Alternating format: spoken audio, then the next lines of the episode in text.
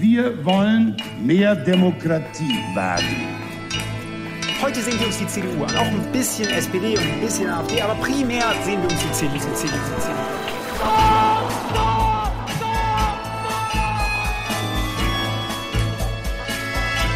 Niemand hat die Absicht, eine Mauer zu errichten. Ich weiß, ich habe heute Morgen in den Spiegel geguckt und dachte, wer ist denn die Hotte Bitch? Werden schon in wenigen Jahren blühende Landschaften, blühende Landschaften geworden sein. Früher waren wir Lametta. Wir haben so vieles geschafft, wir schaffen das. Velkommen til episode 117 av Tyskerne, live fra Goethe-instituttet i Oslo.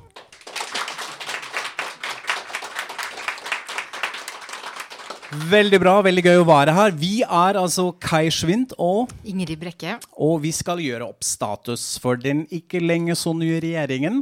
Nemlig snakke om 100 dager Ampelregierung. Dessuten skal jeg anbefale en bok, og vi skal ha en liten ordspalte. Ja, og vi har gjort det litt vanskelig for oss selv, fordi det egentlig er 100 dager først i neste uke. Sånn at vi får ikke noe drahjelp fra de tyske mediene sine oppsummeringer, som jo da kommer. Men neste uke så reiser jeg til Wien, så det gikk ikke. Eh, det har jo blitt sånn at eh, 100 dager regnes som en slags eh, fredningstid.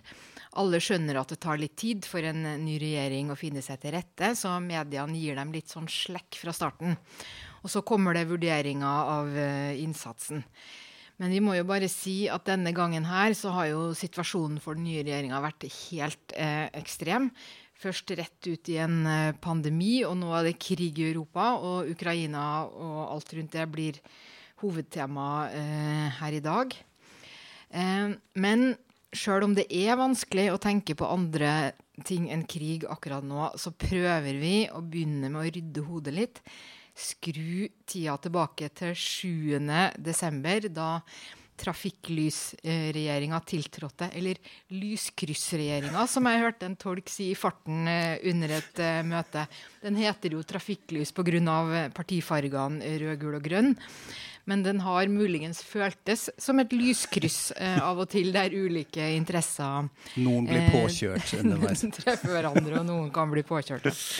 Men husker du hvilke forventninger du satt med 7.12., Kai? Ja, det gjør jeg. Husker jeg veldig godt. Uh, litt som mange andre var man veldig opptatt av å se hvordan nå den nye regjeringen skulle få til en sånn nedbygging i byråkratiet, f.eks., som har sånn lammet Tyskland lenge, uh, følte vi i hvert fall. Uh, hvordan de skulle takle ulike utfordringer knyttet til føderalismen. ikke sant? Digitalisering var et stort stikkord. Da henger vi jo virkelig etter. og vi har jo gjort nær veldig mye av den f.eks. rapporteringen av koronatall fra myndighetene som ble fakset uh, inn til ulike departementer. Uh, og så var det selvfølgelig litt snakk om utenriks. Uh, på denne tiden tenkte vi hovedsakelig på forholdet til EU.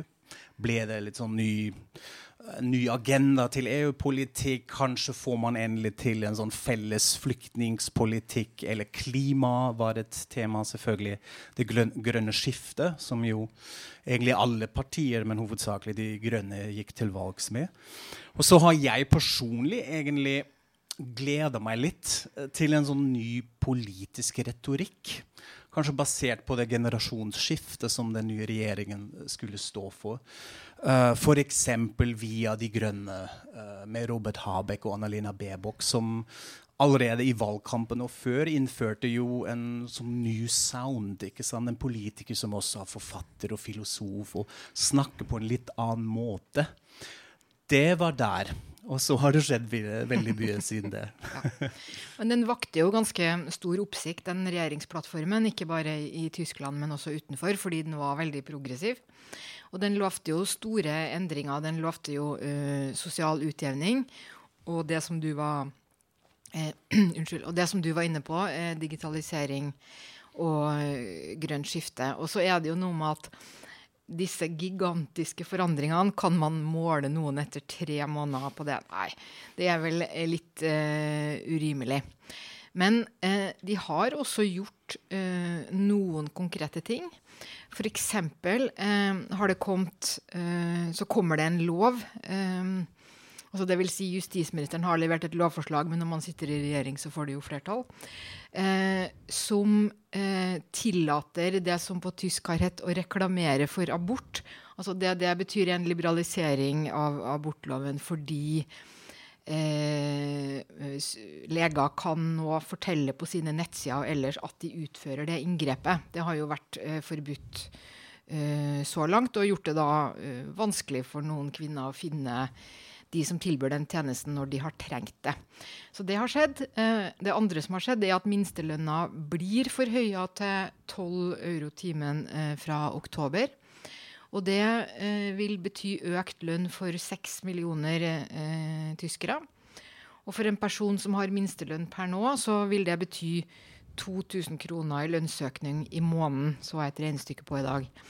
Og så får vi se da hvor mye som spises opp av eh, inflasjon og økte energipriser. 50 kroner igjen. ja. Men det har skjedd. Eh, og der har jo også eh, Robert Habeck, eller regjeringa, har jo da lovt også en, en, viss sånn kompensasjon for økte energipriser og en utjevning som gjør at det ikke skal bli sånn at alle de ekstra utgiftene som kommer til i forbindelse med det grønne skiftet, skal belastes de som har det dårligst. Mm. Så det er jo også noe de har sagt, eh, og som vi da eh, får se. Vi kommer litt tilbake til energi etter hvert, fordi det henger jo også sammen med krigen. Men først, Kai, når en regjering skal vurderes, så må vi jo også si litt om hvordan personene i regjeringa, altså ministrene, har opptrådt. Og er det noen av dem som har gjort inntrykk på deg? ja, inntrykk er kanskje det, det, beste ordet, fordi jeg føler meg også ikke helt i stand å liksom gi en sånn vurdering eller kaste terning. Nei, kaste terning kunne jeg gjort, men gi karakter. Um, kanskje tenker jeg aller først på Karl Lauterbach, altså helseministeren, som jo, var jo en veldig sånn kjent skikkelse fra før. Han var virolog, eller er det fortsatt. Og dominerte jo diskursen eh, under pandemien. ikke sant? I hvert fall i den første bølgen var veldig mye på plass i talkshows. Og fikk da altså jobben som helseminister. Og mange lurte jo på ok, dette er fint, det er én ting at du har det faglige på plass, men klarer du å håndtere et sånt departement? Hvordan fungerer han som leder og som politiker? Og det har han vel klart ganske, ganske bra. Uh, så det, det syns jeg var, var, tydelig, selv om man må si at han forsvant jo litt nå i, i, de siste ukene, fordi det var det mye annet vi skulle, skulle, snakke om, som vi også gjør her. Og så er det kanskje igjen da Robert Habeck og Annelina Baerbock som var mest interessant. Uh, først og fremst for å se hvordan denne tilpasningsprosessen til vervet har fungert. Altså fra den retorikken under valgkampen til nå den realpolitikken. Uh, og da syns jeg var det interessant å se på Annalena Bebok, altså utenriksministeren, som jeg syns har hatt en sånn vanvittig arbeidspensum i første ukene. Hun, som man forventer fra en utenriksminister, men hun reiste rundt. Hilste, introduserte og jeg tror jeg også ble synlig, vise frem Tyskland utenfra og introdusere en ny retning Eh, hva, hva, det var? Ja. ja. for det var vel noe med at det var vel bare tre dager etter regjeringa tiltrådte før hun satte av gårde til det var vel Paris og Brussel ja. og så Warszawa var vel første mm. runden, da, før det begynte de mer vanskelige stedene etter jul. Ja. Og så er det Robert Habeck, eh, som blir en sånn slags superminister eh, med alle de Nå har jeg hvordan, hva, hva, hva, er dette? Hva er han egentlig? Arbeidsminister? Energi og næring. Ja, ikke sant? Så det er eh, også interessant å se hvordan han da igjen hadde en, en, kanskje en ny retorikk. Se hvordan han fungerer i, i det vervet. Men da syns jeg han har også klart seg ganske bra, fordi han fortsetter med å vise den hva skal jeg kalle det, litt sånn intellektuell og emosjonell transparens i måten han kommuniserer, som jeg syns har alltid vært i hvert fall sympatisk, men også fascinerende å se på. Uh, og så er det jo Olaf Scholz, lederen, kansler i spissen, som uh, Det var veldig spennende å se hvordan han nå som leder skal fungere. Man har gjort veldig mye narr av han som Scholz-omat, altså en sånn automatrobot som er døll og kjedelig og vagt. Og det er mest en sånn som vi sier på tysk, med den oppgaven voksen, altså vokse med oppgavene, som jeg syns man kan se. Spesielt med hans utenriksopptredener også, hvis man f.eks. sammenligner møtet han hadde med president Biden, hvor det var veld, veldig vagt og veldig utydelig, versus hans møte med Putin, hvor han var tydelig. Vi kommer nok tilbake til hva slags effekt det har hatt. Men det, det, er kanskje de som har, som har, gjort mest inntrykk av hele plattformen så langt. For meg, i hvert fall. Ja, sjøl hadde jeg jo selvfølgelig aldri trodd at jeg skulle få høre Olaf Scholz på talerstolen ja. i forbundsdagen erklære massiv opprusting av militæret. Så det er jo virkelig Altså, man kan si at den regjeringsplattformen var eh, radikal og betydde mye endring. Men det som har skjedd etterpå, som jo ikke sto i regjeringsplattformen, er kanskje minst like eh, radikalt. da. Tre dager etter at Russland invaderte Ukraina, så snudde han altså eh, om på hele den tyske utenriks- og sikkerhetspolitikken.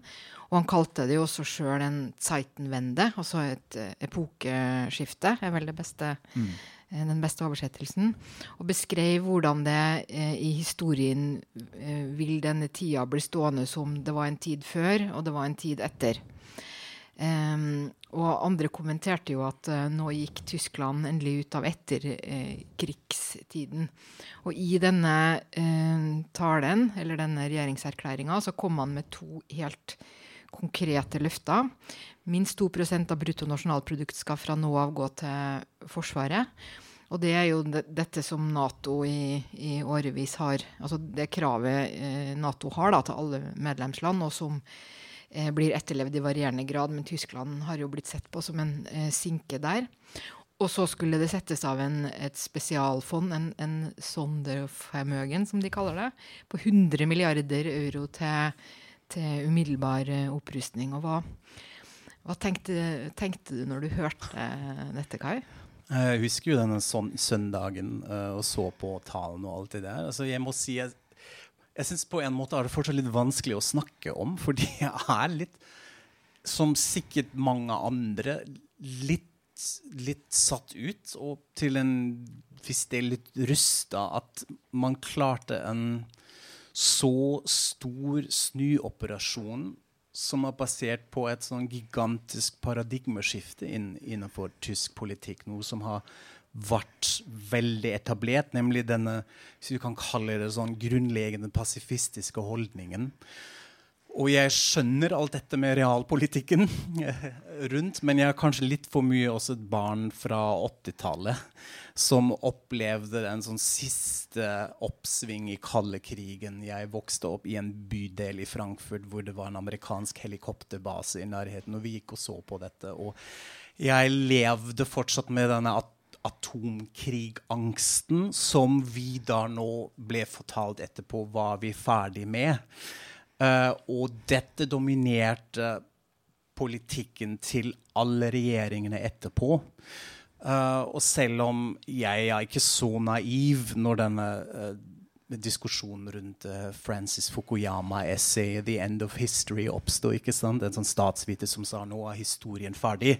Kapitalismen har vunnet, nå blir alt bra. Vi var ikke så naive og tro at det ble noe sånn konfliktløs så, så, er jeg fortsatt satt ut at det var veldig få motstemmer nå i den første reaksjonen. Jeg husker bare De Linke, som sa, altså Venstrepartiet, som umiddelbart sa ifra og sa dette, her, dette går for fort. Vi kan ikke bare kjøpe dette her med en gang.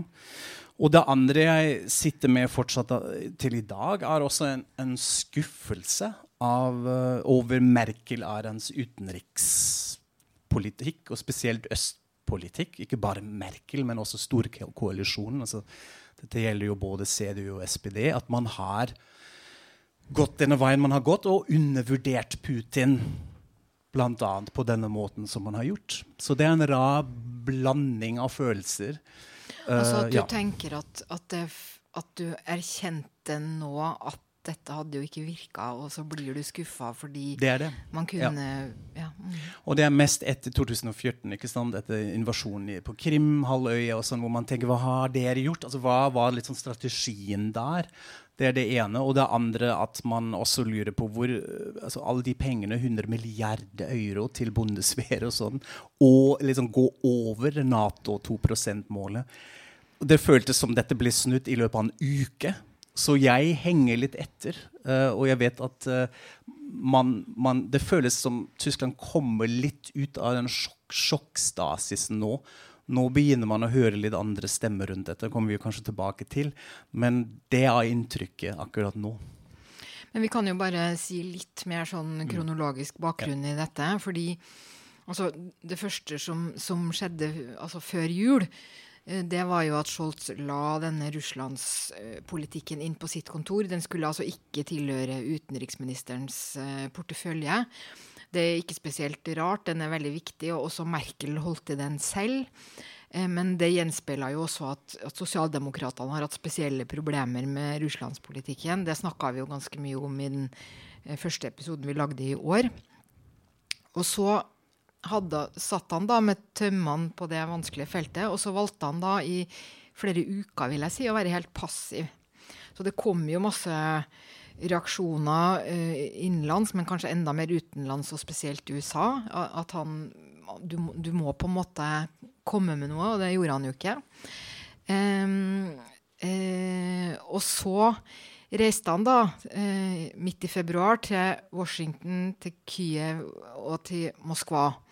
Og sånn som hans folk nå forteller, så var det på disse reisene så begynte da Scholz å tenke enn om eh, man faktisk må ta Putins snakk om å gjenopprette imperiet Russland på alvor. Så kommer da 24.2 eh, invasjonen, og det ble virkelig. Og så snudde jo regjeringa på hælen, eh, og så ville de først levere våpen til Ukraina likevel, noe de jo lenge hadde sagt kommer ikke på tale. Eh, og så, 27.2, så var dette møtet i, i forbundsdagen, eh, der Scholz kom med sin Zeitenwende-tale. Mm. Hva, hva ligger i den ordbruken, tror du? Nei, jeg tenker at altså, Delvis handler det jo nesten om en slags sånn eh, historiebeskrivelse. Altså at det at Putin nå tok av seg maska og gikk til et sånt voldsomt angrep, det vil påvirke Europa eh, så enormt. Eh, det eh, Nesten enten om krigen blir kort eller lang. Det er det mest dramatiske som har skjedd på kontinentet siden murens fall. Og det er som du var inne på med, med uh, End of History, det er um, punktum for disse årene etter uh, murens fall, hvor man har kanskje følt Det har skorta litt på slutten, men, det, men man har stort sett følt at det har vært fremgang. Så nå er det over. Og jeg så også en, en kommentator uh, på Twitter som bare som skrev at eh, alle de hellige kyrne til tysk utenrikspolitikk er nå blitt en rykende eh, gryte med gulasj. Det syns jeg var en ganske sånn heftig beskrivelse. Fordi det er dette med at hele denne tanken om samtaler, diplomati, åpne kanaler, det var jo ikke nok. Altså som, som den skuffelsen du snakka om. ikke sant? I fjor så snakka altså Angela Merkel 33 ganger med Putin. Um, noen møter var personlige, men det var jo mest på telefon. Og det er sånn Hva i all verden førte det til? Noe som helst. Um, og så er det eh, dette man gjerne sier om Tyskland, at de har trodd på eh, vandel durch handel. Altså at det, å, det å drive handel og ha økonomisk samarbeid med forskjellige former for ikke-demokratiske regimer nærmest i seg selv eh, påvirker. Eh, det er jo veldig vanskelig å si det nå. Eh, og så er det også en slags punktum for at altså en lærdom etter andre verdenskrig og eh, nazitida har kanskje føltes som altså Man har kanskje følt at det man lærte av det, var en, en form for pasifisme. Da. At, man, at man må ta avstand til våpen og militære på en annen måte enn en andre. Eh, og det kanskje også nå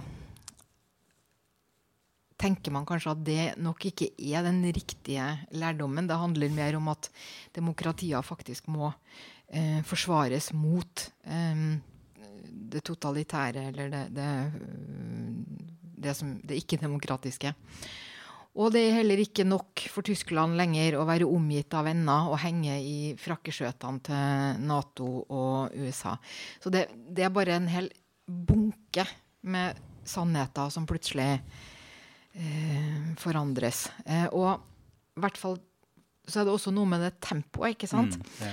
og, og, det er i hvert fall to grunner til at det kunne skje så utrolig fort, tenker jeg. Og det ene er jo det at det er jo veldig lite av det som skjer nå, som er eh, Altså, det at Putin nå gikk til en sånn enorm krig i Ukraina, det kunne man kanskje ikke forutse. Men at han var en eh, farlig, eh, uberegnelig person som, som, eh, Og det, at det regimet truer andre land i Europa, det har man jo sett i mange år. Senest siden Krimanneksjonen. Og det betyr jo også at denne debatten har vært til stede. At øh, man har hatt disse synspunktene tilgjengelige over lang tid. Sånn at selv om det nå føles helt ekstremt brått, så er det jo ikke som lyn fra klar himmel. Mm.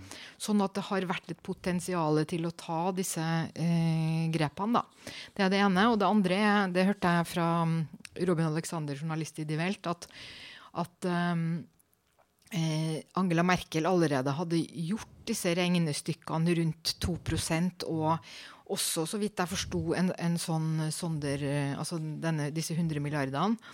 Fordi eh, Donald Trump pressa jo Tyskland så veldig hardt på at de ikke gjorde det de skulle i Nato, og, og krevde veldig mye eh, um, Han var veldig opptatt av det, da, at, at, Tyskland måtte bli sterkere militært. Sånn at disse tallene lå allerede i systemet, sånn at det var nesten eh, trekk opp av skuffen. da. Ja.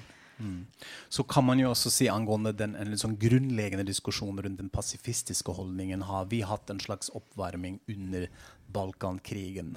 ikke sant? Og den diskusjonen hvorvidt uh, Tyskland skulle hjelpe Nato å sende inn folk som rusta spesielt de grønne, med en grønn utenriksminister på det tidspunktet, Joschka Fischer, som fikk jo kasta på fergebomber under landsmøtet uh, av fundis, av fund fundamentale. Så sånn sett har, du rett, det er ikke nytt. Men ja, jeg vet ikke hvor stor enighet tror du egentlig det er om en sånn slik voldsom opprustning som det jo er? Da, til slutt, uansett hvor lang tid man hadde til å forberede seg eller ikke? Altså, Det som skjedde i, i Bondestag, da, da slutta jo Kristeligdemokratene seg umiddelbart til. Så da hadde du jo allerede de tre regjeringspartiene og det største opposisjonspartiet. sånn at det er en, en veldig unison og sterk enighet om dette nå i hovedtrekk. Mm. Eh, men jeg tror det kan bli eh, mye trøbbel etter hvert. Altså, mye av dette er jo avhengig av nå, hvordan utvikler det seg den, i Ukraina og, og, og, rundt det. da.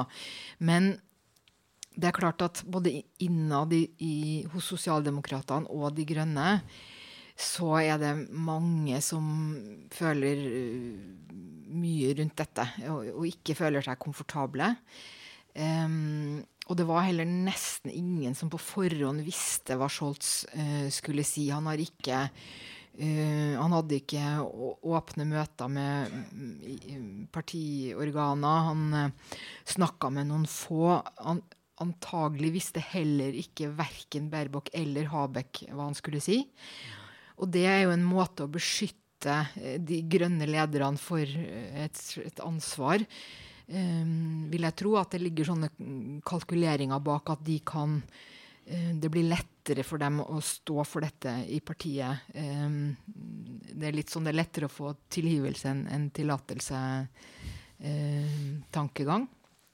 Uh, men det er det er jo veldig mange pasifister eh, hos De Grønne, og også i SPD, mange som er tilknytta fredsbevegelsen. Og jeg jeg har lest om grønne folk som har grått over mm. dette. Mm. Eh, og man kunne jo også se fra selve møtet at det var mange som ikke klappa eh, så veldig mye. Eh, og kanskje ikke i det hele tatt.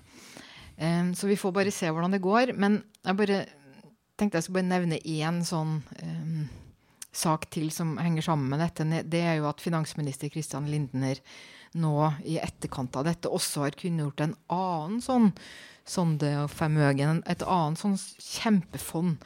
Og det er 200 milliarder euro til klima.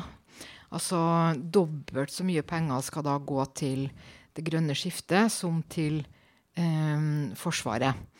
Og eh, akkurat hvor disse pengene skal komme fra, det er vel litt uklart for, for mange akkurat nå, tror jeg. Men, men det, det, det fremstår som, er jo først og fremst en sånn måte å opprettholde den politiske profilen på. At ja, OK, det blir masse penger til militæret, men det blir dobbelt så mye til um, klimatiltak. Mm. Og det var det jeg mente med det med sjokkstasisen, ikke sånn, som begynner å løsne seg litt. Og man begynner å stille kritiske spørsmål også. Altså det er den ene siden hvordan regjeringen på en måte trapper opp, men den andre siden også hvor at det kommer flere kritiske stemmer frem. I morges hørte jeg et intervju med lederen av VDK. Det er en sånn interesseorganisasjon for sosial vanskeligstilte, som har veldig mange medlemmer. Og hun lurte på ok, det er greit, vi skjønner at vi må investere i militæret akkurat nå, men ble det nok penger til sosialhjelp, alle disse sosialleistungene som var viktig og relevant? Og burde vi kanskje ha en slags uh, strategisk kommunikasjon rundt at vi må forberede oss på å ofre mye mer enn vi er klar over uh, nå i den tiden som, som, kommer. Så det er den ene biten. Og det andre er selvfølgelig som det du var litt inn på, altså energipolitikk. Hvordan påvirker det det nå? ikke sant? Nord Stream, det forholdet med russisk gass, uh, hvor jeg også leste en artikkel nå at man begynner å se seg litt rundt. Norge er en stor eksportør av gass, men så er også Nederland. Og det synes jeg var en sånn interessant liten case-studie at man nå begynner å presse Nederland for det. Kan ikke dere ekstrahere mer gass og eksportere det til oss? Men så har de jo sitt eget uh, grønt skifte òg. De er midt i det òg. De skulle egentlig nå legge ned en sånn stor gass, et gassfelt uh, ved siden av, gr av Gråningen. Men nå er det noen debatter rundt det der. Så dette viser litt disse områdene hvor man begynner å kanskje se litt mer differensiert på denne forsvarslinjen som, som vi har hatt i noen uker. Men uansett, det, betyr jo at uh, det viser hvordan nå energipolitikk også blir um, sikkerhetspolitikk, eller? Ja, Kanskje fasiten av det? ja, ja, det tror jeg virkelig, altså. Uh, og, og, det var jo så morsomt å høre eller morsomt, hva er morsomt nå til dags? Men i hvert fall at Christian Lindner sa i forbundsdagen, altså finansministeren, kom han med et nytt ord frihetsenergi. Og det er jo da at man går for eh, fornybar for å komme seg unna avhengigheten av, av eh, Russland, da.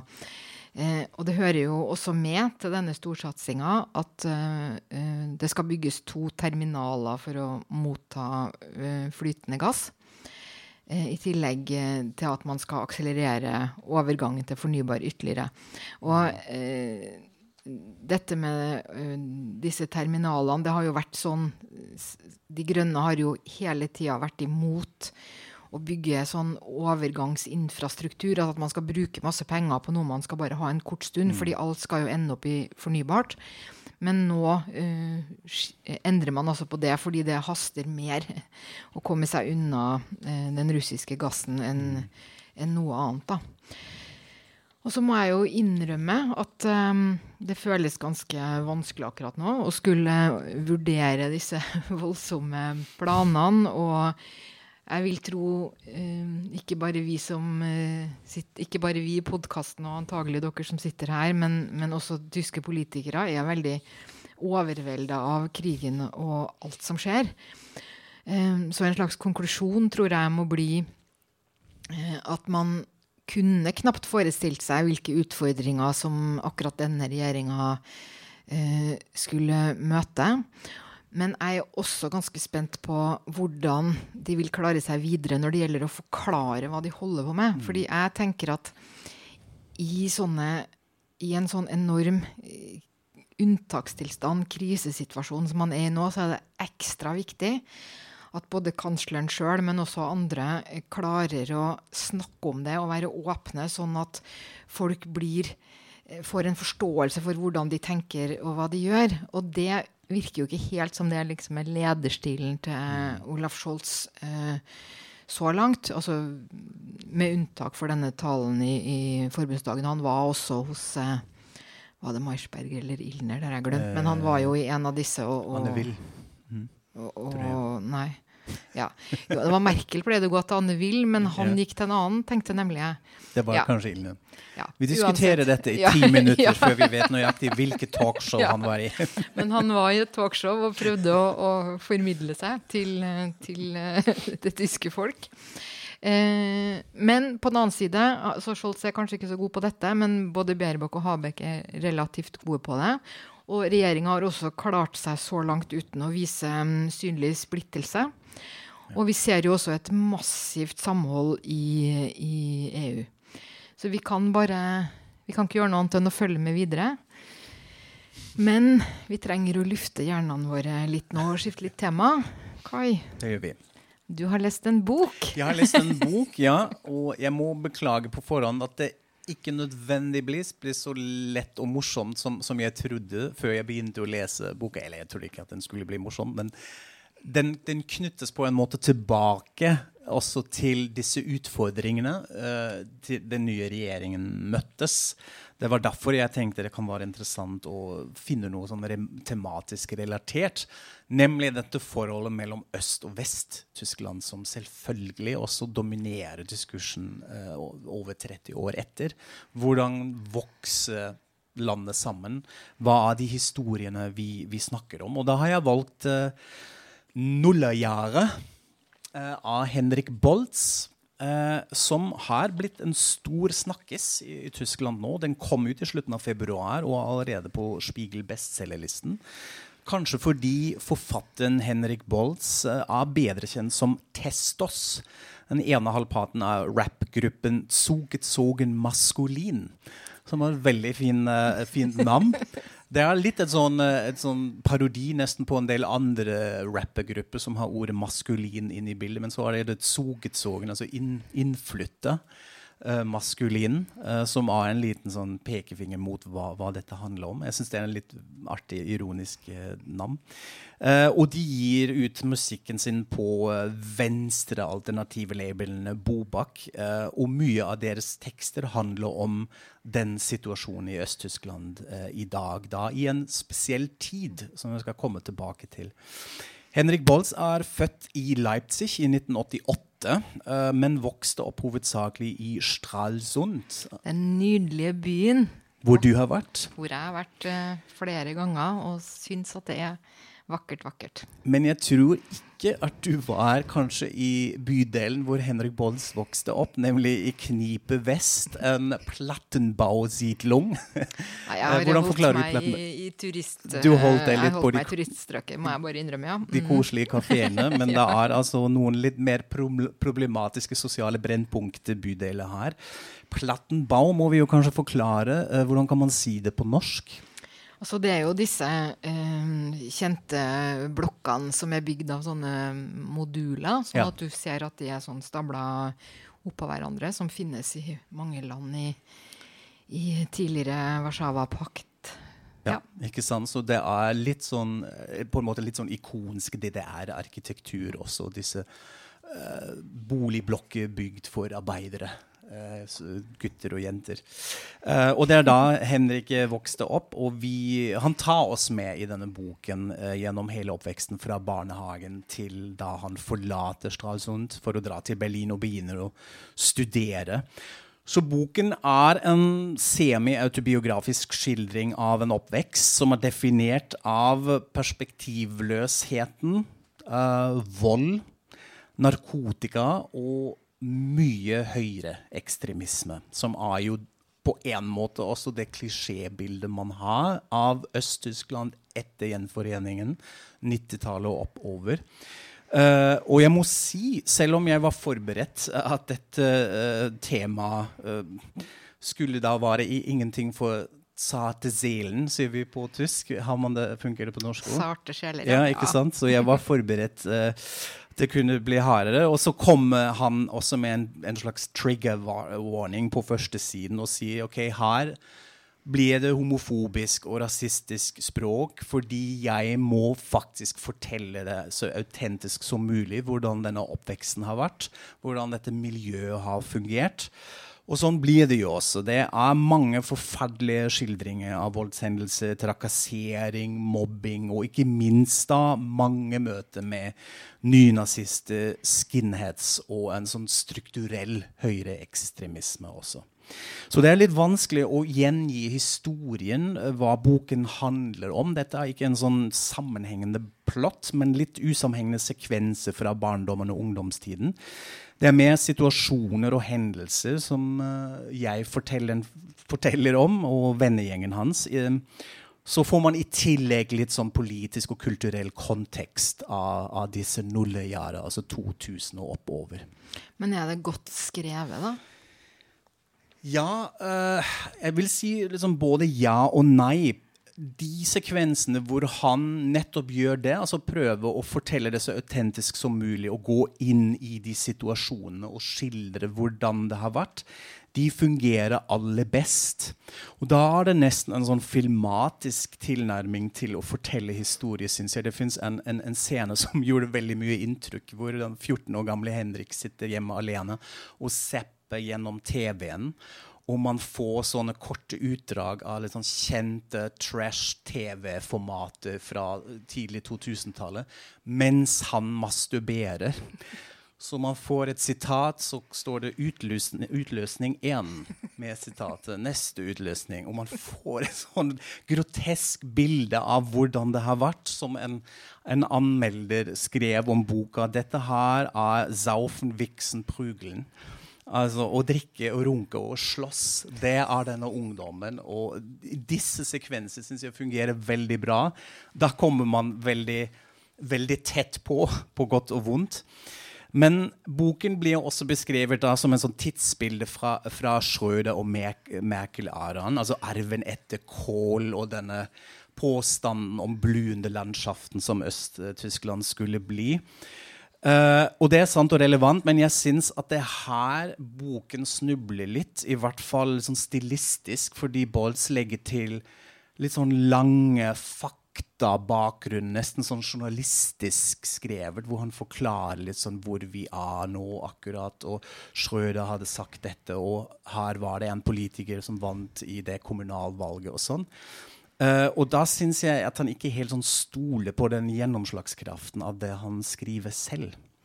Så det er, um, det er der det ikke helt sånn henger sammen. Men det som er ganske fascinerende, er de innblikk man får som går litt videre enn det klisjeer. Her var det bare fullt med nazis. Men det, det er også noe annet som kanskje knytter den situasjonen litt mer sammen med det det er. F.eks. skildringene er maskulinitet. Uh, et sånn metaspørsmål rundt boken er liksom Hvor er de rollemodellene til de guttene her? Altså menn som kunne fungere som rollemodeller. Uh, mens vi sånn, diskuterte metroseksualitet og den myke mannen og sånn i Vest-Tyskland, så var det noe sånn helt annet som ble snakket om i det. Og spørsmålet er jo hva slags maskulinitetsforståelse hadde man egentlig i DDR? ikke sant? Altså, Hvordan blir dette snakket om? Men det er jo også interessant, fordi man uh, hører jo gjerne at um, DDR var et mye mer eh, likestilt mm. samfunn. Altså um, både kvinner og menn gikk på jobben, og unger gikk i barnehage. Mm. Mens uh, i vest så hadde man jo knapt en barnehageplass, og alle damene måtte være hjemme og være husmødre. Mm. Så det er jo veldig interessant å det høre. Det syns jeg også mm. var en interessant ting å oppdage, oppdage og at han knytter dette, knytter dette så tydelig sammen med, det, med, med et sånn kjønnsperspektiv, med masse åpne spørsmål. Og den perspektivløsheten relateres jo også da til bruk av narkotika eh, som en annen sånn spørsmål som er veldig interessant å kartlegge med tanke på øst-tyske perspektivet. Vi ser dette jo her på coveret uh, med en person som har en sånn blå pose over hodet. og Dette da beskriver en sånn teknikk som de gjør veldig mye i boka, at de fyller sånn uh, flytende gass fra sånne lighters inn i en pose, og så drar de pose over hodet og ruser seg uh, dermed. Sånn, sånn forferdelig superfarlig uh, måte å ruse seg. Han har også tatt det opp i noen av de Zugezog Maskulin-låtene. Da syns jeg det er en sånn rustende tekstlinje hvor han sier Vi sind die coolen Jungs med gass in unseren Kinderlungen. Eh, vi har de kule gutta med gass i de barnelungene våre. Som er sånn forferdelig bilde, og det er mange sånne skildringer også i boka. Så det som var litt interessant, og det har Bolt selv sagt om nettopp det, at narkotika det fantes ikke i DDR. Det fantes ingen diskurs rundt rusmisbruk og narkotika. Uh, så etter gjenforeningen ble vi litt sånn oversvømmet med det. Både med ulike typer narkotika, men også med en sånn klønete håndtering av hva dette er. Og hvis dette da møter nå en perspektivløs ungdom med en sånn depressiv grunnstemning, uh, som var ute etter distrahering og eskap eskapisme, så blir dette ganske farlig. Og det ble det jo da til slutt. Så det handler veldig mye uh, om dette her. Så um, jeg syns dette er ikke, ikke, en koselig bok, men en veldig, veldig relevant og spennende og interessant bok. Kanskje hovedsakelig med tanken på at dette skal leses av en yngre generasjon. Og sånn kan man jo også kanskje forklare disse, disse faktaboksaktige journalistiske delene. ikke sant? Dette er jo ikke skrevet med, med meg i, som målgruppe, men kanskje yngre som ikke helt skjønner denne konteksten, så Merkel, merkelig. Hva betyr dette? Og så gir det et nytt perspektiv på den samtalen om disse tidsepokene. Vi fokuserer jo ofte på 90-tallet, altså direkte etter gjenforeningen. Men hva skjedde mellom 2000 og 2010? Hvordan var det? Hvordan har det påvirket Øst-Tyskland i dag, med alle de problemene og utfordringene? Og liksom til slutt syns jeg han ga oss et veldig interessant svar på hvorfor han skrev denne boken. Fordi han ser på forholdet mellom Øst- og Vest-Tyskland som et parforhold. Uh, han sa det er litt som om man har vært sammen, så har man blitt skilt. Så prøver man å komme sammen igjen. Men det er sånn dyp, dypgående dysfunksjonell.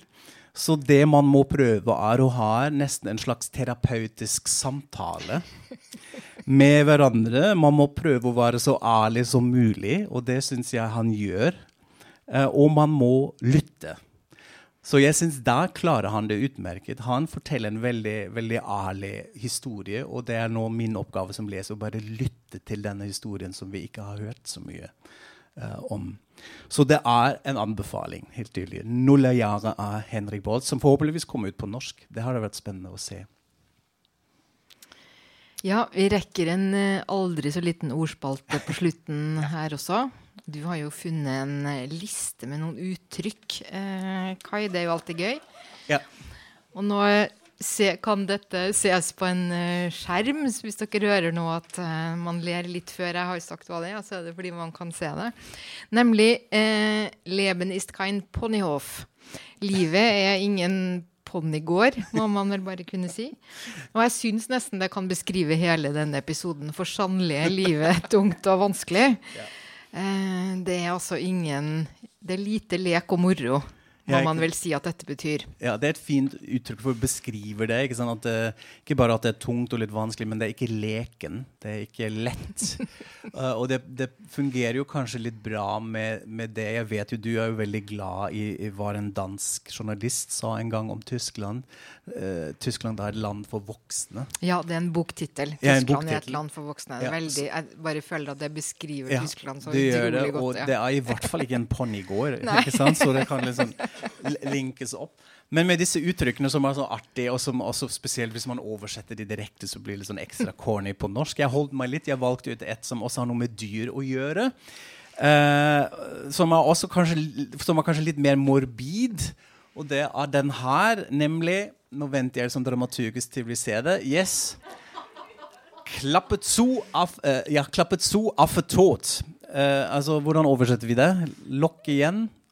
Apen er død. Ja, det er litt Ja. Mm. Det, det, det, er. funker ikke så bra på norsk, vil jeg Nei. si. Nei. Eh, så det er Det betyr Altså, her er det noe ferdig. No, nå er noe fullstendig vi er, vi er, ferdig med noe helt fullstendig. Nå kommer jeg på en sånn annen, det er på engelsk, som også er relatert til Som beskriver det samme, men bruker et annet dyr, nemlig 'as dead as a dodo'. Ja. Altså denne rare fuglen som døde Som ut. Som er Utrydda. Det er også Ok, det var en liten digresjon. Men eh, klappet so affatåt, det er jo litt artig å prøve å finne ut hvor kommer disse uttrykk fra. Og her har jeg prøvd å google meg litt frem her. Det er litt sånn uklart hvor dette kommer fra. En teori er at det kommer fra sirkusverden. Eh, lenge siden sånn 1800-tallet, hvor man uh, gikk rundt og reklamerte for når sirkus hadde kommet til byen. Og da tok man gjerne en liten boks med en liten ape med. Og gikk til torget og lot den hoppe ut og reklamere for sirkuset. Og iblant så døde den. Og da ble boksen lukka, og da kommer den ikke uti lenger. Så klappet so, den var det affetot. Det er den ene ene forklaringen. Jeg vet ikke om det stemmer. Det andre er en sånn språklig, eh, språkhistorisk forklaring, nemlig at det egentlig ikke betyr affe, ape, men at det er niederdeutsch, og det var ordet apel. Og apel er en versjon av ordet åpen, altså offen. Så klappet so, apeltåt, betyr at nå er det lukket, og det er virkelig ikke åpen lenger. som er altså dobbeltlukket, på en måte. Som er en, en mer sånn etymologisk forklaring, men kanskje litt kjedelig. Jeg liker at det er en ape inne i bildet, for å være helt, helt ærlig. Så da vet dere det. Eh, og man kan sånn se hvor langt man vil dra den metaforen hva disse uttrykk sier om situasjonen i Tyskland eller i verden akkurat nå. Vi håper ikke at uh, klappen lukker seg fullstendig. Og vi runder av her. Før vi gjør det, eh, så vil vi si en spesiell takk til eh, Goethe-instituttet for invitasjonen, og en stor takk til dere som støtter oss på Patrion, som hører på, og selvfølgelig også en stor takk som alle var her. Takk for oss, og auf Wiederhören. Auf Wiederhören.